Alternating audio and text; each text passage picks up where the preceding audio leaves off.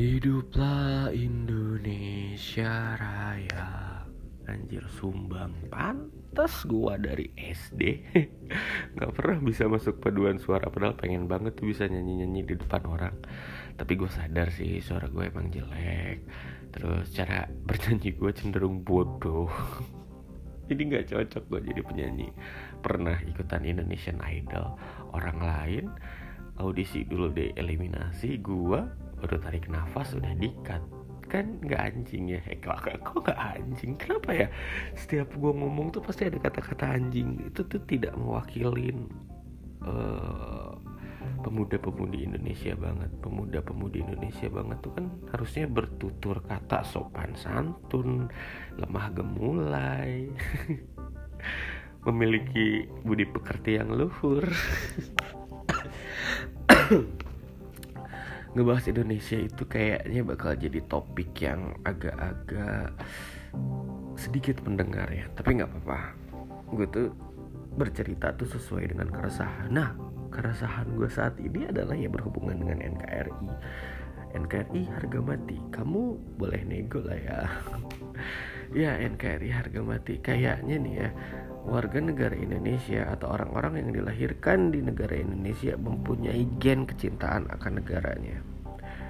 Mungkin itu jadi gen yang unik yang jarang dimiliki sama negara-negara lain, negara-negara sahabat di Asia Tenggara misalkan. Ya, gue nggak tahu sih. Ini kan cuma dugaan gue. Kayaknya negara-negara lain kecintaannya akan warganya mencintai negaranya itu kayaknya masih kecil deh, nggak seperti Indonesia. Ini bisa jadi terjadi karena hmm, mungkin dari kecil kita udah dicekokin nih sama guru-guru kita tentang Pancasila, tentang uh, moral, tentang kecintaan akan tanah air. Jadi itu akhirnya terbentuk tuh. Jadi gen yang melekat di daerah kita akan uh, sebuah pembelaan negara. Gua aja yang ngerasa atau lu juga yang ngerasa? Oke, gue kasih contohnya. Uh, di Indonesia tuh ketika ditanya nih orang-orangnya, lo orang mana? Orang Indonesia.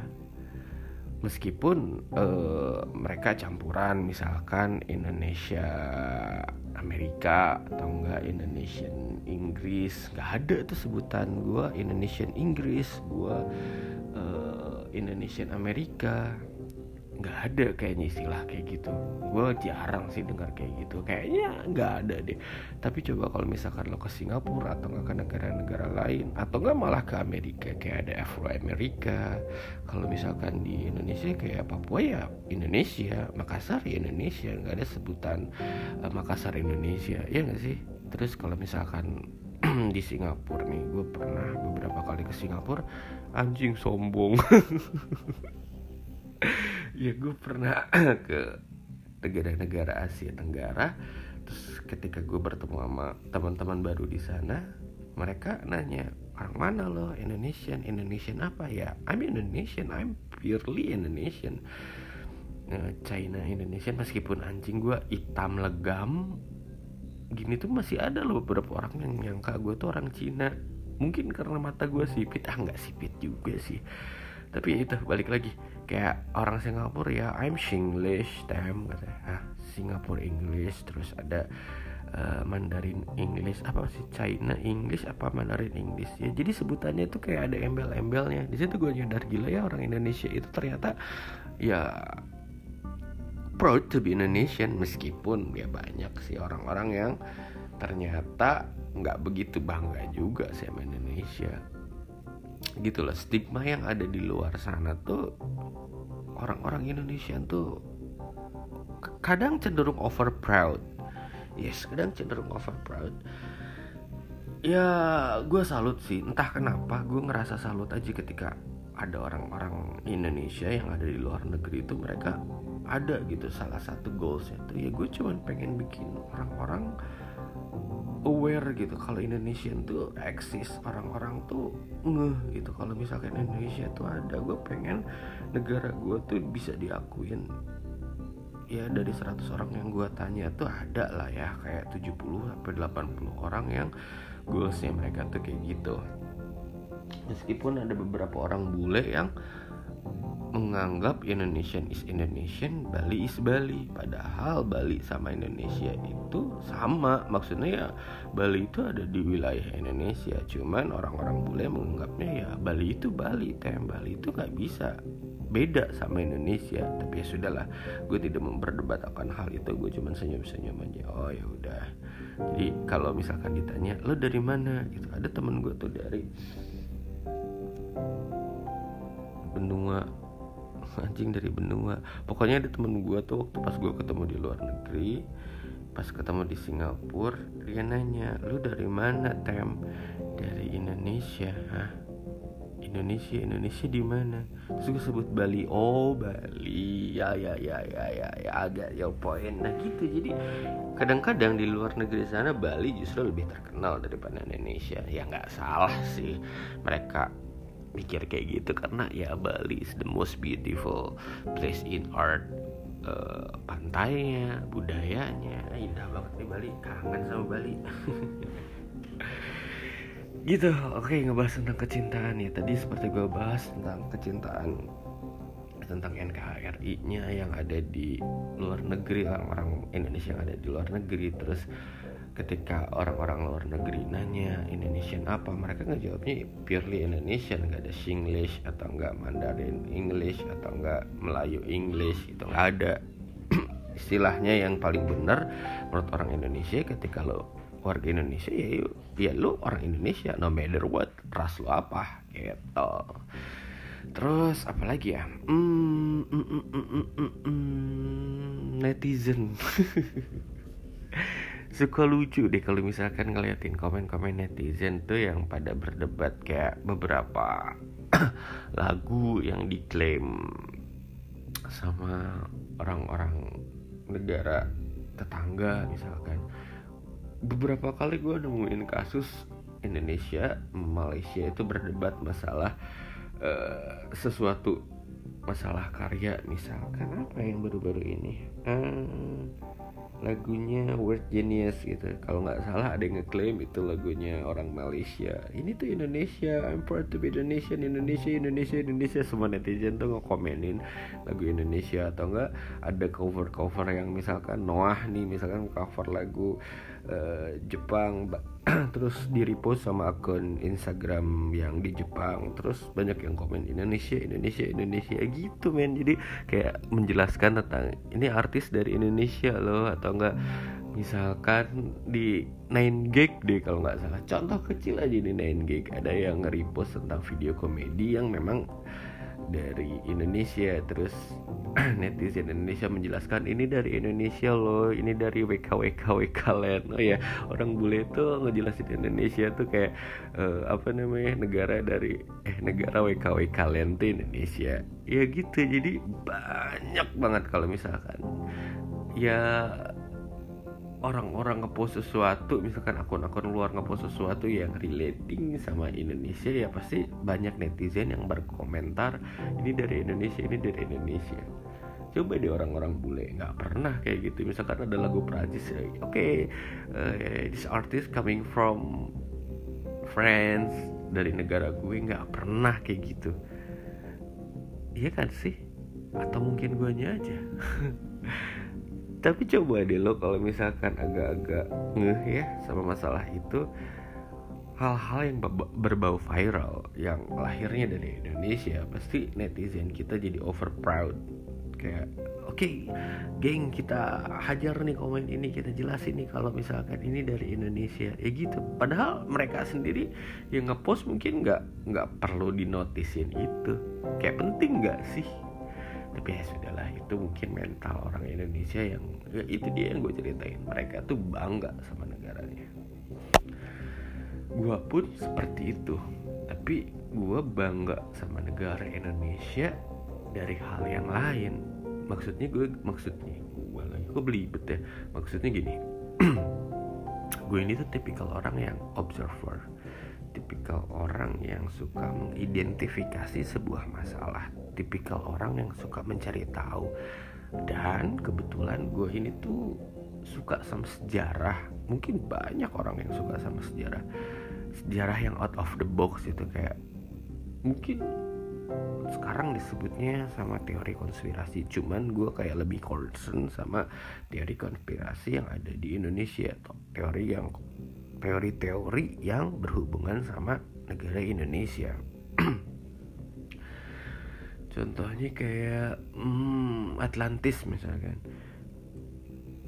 Dari berbagai penelitian ada yang mengidentikan hmm, si Atlantis ini ada di Indonesia. Siapa sih kalau nggak salah? Aku Aristoteles? Gue sempat kepikiran di otak gue Aristoteles. Bukan. Siapa? Aduh gue lupa namanya. Uh, ya pokoknya ada seorang filsuf gitu yang menggambarkan kalau misalkan Atlantis itu tuh eksis. Atlantis itu tuh ada. Atlantis itu tuh terletak di Indonesia. Nah gue percaya kalau misalkan Atlantis itu tuh ada di Indonesia yang si orang-orang menganggap Atlantis di Indonesia itu karena Atlantis itu tuh megah dan gue percaya banget Indonesia itu tuh semegah itu se fancy itu, se glowing itu pada zamannya. Gue percaya banget. Kenapa? Karena ya banyak literasi-literasi yang gue baca. Kalau misalkan Indonesia itu memang porosnya dunia pada saat itu. Lu coba di googling tentang Atlantis ada di Indonesia pasti bakal apa namanya pasti mungkin bakal sepaham sama gue karena gue pun kadang-kadang bertanda tanya besar gitu. Kayak gini deh waktu SD waktu lu sekolah lu kan selalu dikasih pelajaran tentang sejarah nih tentang kerajaan-kerajaan di Indonesia. Kok uh, pertanyaan gue itu kok apa namanya pertanyaannya tuh muncul ketika gue udah dewasa. Ke mana nih kerajaan-kerajaan gue dulu? Ke mana nih kerajaan-kerajaan Indonesia dulu? Kalau misalkan Indonesia itu banyak kerajaan kok sekarang nggak ada? Buktinya kayak cuman candi buktinya kayak cuman ya cuman peninggalan-peninggalan kecil doang nggak ada gitu. Kerajaan megahnya itu kayak Majapahit Samudra Pasai Demak. Terus apalagi ya? Gua Talo terus Kutai Kartanegara. Banyak deh pokoknya kerajaan-kerajaan kerajaan Sumedang Larang Galuh Pakuan mungkin masih ada. Ya pokoknya kerajaan-kerajaan besar tuh kayak nggak ada aja kayak hilang di hilang di telan bumi. Padahal di pelajaran kita tuh menjelaskan nah ke mana nih kerajaannya? Puing-puingnya pun gak ada. Akhirnya gue baca lebih dalam gue identifikasi lebih dalam muncullah satu pemahaman gue muncullah satu identifikasi gue um, karena ada rumor yang beredar kalau misalkan kerajaannya itu tuh ditutup blab gitu ditutup. Dan suatu saat kerajaan itu tuh akan muncul lagi ini agak-agak mistis sih. Sebenarnya bukan mistis ya mungkin otak kita aja yang belum sampai pola pikir kita aja yang belum nyampe. Nggak ada bahan yang bisa menjelaskan secara ilmiah aja. Akhirnya jadi kita menganggap itu mistis. Kenapa? Ya karena gini deh. Menurut gue tuh irisannya tipis banget antara mistis sama otak kita yang belum sampai. Kayak misalkan apa ya contohnya? Gini deh kita ke suatu pedalaman anggap aja pedalaman itu bisa menerima sinyal. Terus kita video callan. Nah pasti orang-orang uh, pedalaman itu menganggap anjir ini orang mistis nih kok bisa ngobrol sama benda mati? Ngerti nggak maksud gue iya karena si orang pedalamannya itu belum nyampe. Masalah video call gitu nggak ngerti gitu jangan kan video call mungkin kita telepon teleponan aja dianggap mistis. Mungkin kita ngebakar korek api aja dianggapnya mistis. Korek api pakai gas itu dianggapnya mistis. Karena mungkin mereka otaknya belum sampai. Pun itu yang terjadi sama kita. Itu tuh ditutupin mungkin sama hal-hal yang otak kita belum sampai. Jadi kita anggap itu mistis. Padahal gue percaya itu bukan mistis. Gitu ke mana nih? Nah alhasil muncullah pemikiran gue tentang uh, eh, gue pernah baca di YouTube-nya Nancy Judge tentang kota-kota misterius, kota-kota megah, kota-kota indah, tapi hanya orang-orang tertentu yang bisa melihatnya. Kota-kota gaib. Nah, gue anggap itu bukan gaib. Kayaknya tuh ada satu apa ya namanya? Entah satu zat, entah satu cara buat kita tidak bisa melihat itu. Tapi kotanya megah, kotanya indah kayaknya hal-hal gaib itu nggak nggak apa namanya nggak menjurus deh ke hal-hal yang berbau dengan high tech ya nggak sih? Nah mungkin sebutannya karena teknologi mereka tinggi akhirnya kita menganggap itu tuh gaib itu tuh bisnis padahal kita aja belum nyampe. Gue percaya deh sama yang namanya kota-kota gaib ya istilah sekarang gue sebut itu kota-kota gaib kota-kota canggih itu gue percaya banget karena kayak lu pernah nonton film apa ya namanya? Bukan Underworld. Uh, kayak ada satu kota yang teramat sangat indah tapi kita nggak bisa masuk cuman orang-orang tertentu aja yang bisa masuk. Apa ya judul filmnya? Gue lupa. Nanti deh gue coba cek ya gue coba googling googling lagi. Ada ada. Kayak film Wakanda deh Wakanda itu tuh kan kayak kota yang megah dan indah. Dan itu tuh bukan orang-orang gaib. Tapi kan itu film tem. Coba lo mikir lagi. Kadang banyak film-film yang akhirnya menjadi kenyataan. Apalagi film-film yang berbau tentang teknologi tinggi. Akhirnya kenyataan kan? Dan gue percaya Wakanda itu tuh ya bukan bukan Wakandanya sih. Kota-kota seperti Wakanda itu benar-benar ada men. High tech. Tapi kitanya belum masuk. Alien bukan? Bukan. Menurut gue tuh kayak kita hidup sama manusia yang uh, kita hidup berdampingan sama beberapa koloni manusia yang sebenarnya kecanggihannya mereka tinggi. Ya who knows kalau mereka itu sebenarnya adalah warga-warga Atlantis yang kita sebut. Ya mungkin istilahnya berbeda kali ya. Ya kalau misalkan ini akhirnya ada nih ya, ini akhirnya terbit nih ya podcast ini. Dan ternyata uh, kota kota gaib itu beneran ada dan beneran menggunakan teknologi yang bukan gaib. Berarti gue salah satu pelopor ya. Pelopor orang yang percaya. Ya pokoknya gue percaya sama hal-hal itu. Terus gue baca-baca lagi tentang lu pasti sering dong uh, suka sama yang namanya apa namanya ramalan-ramalan gitu. Gue sering sih lihat di IG tentang ramalan-ramalan Scorpio lah ya ramalan-ramalan Pisces lah ramalan-ramalan yang berbau dengan zodiak. Gue pun sama tapi seperti gue bilang gue tuh suka sama ramalan-ramalan yang berbau dengan Indonesia. Contohnya ramalan Joyoboyo hmm, ramalan Joyoboyo. Kalau kalian pernah dengar ramalan Joyoboyo itu tuh kayak ramalan yang diciptakan sama orang-orang terdahulu kita. Ada beberapa poin yang sangat seru. Ada beberapa poin yang apa namanya beberapa poin yang perlu ditelaah lebih lagi. Kayak ramalan Joyoboyo pernah bercerita tentang guru-guru. Guru-guru itu istilah standarnya yang mudah dimengerti apa ya? E, kiamat. Dan gue percaya men. Kayak e, suku Inka di Meksiko suku Maya gitu pernah memprediksi tentang hari kiamat. Salah sih mereka memprediksinya tapi gue yakin guru-guru atau nggak kiamat itu tuh terjadi akan terjadi juga di tahun-tahun yang dekatnya mungkin dalam kurun waktu lima tahun atau 10 tahun. Dari sini kiamat itu terjadi karena gue baca di literasinya sastra-sastra Jawa kuno. Anjing berat nggak tuh? Iya kayak gini deh. Kalau lu pernah dengar perjanjian 500 tahun ini erat sama hubungan sama podcast gue jadi kalau lu pernah googling deh atau nggak Wikipedia tentang perjanjian 500 tahun kalau nggak salah itu perjanjian 500 tahun itu tuh bunyinya kayak gini. Ini tuh Semar kalau nggak salah yang nyebutinnya. Kalau nggak salah ya perjanjian 500 tahun itu intinya saya akan menagih kembali uh, Nusantara.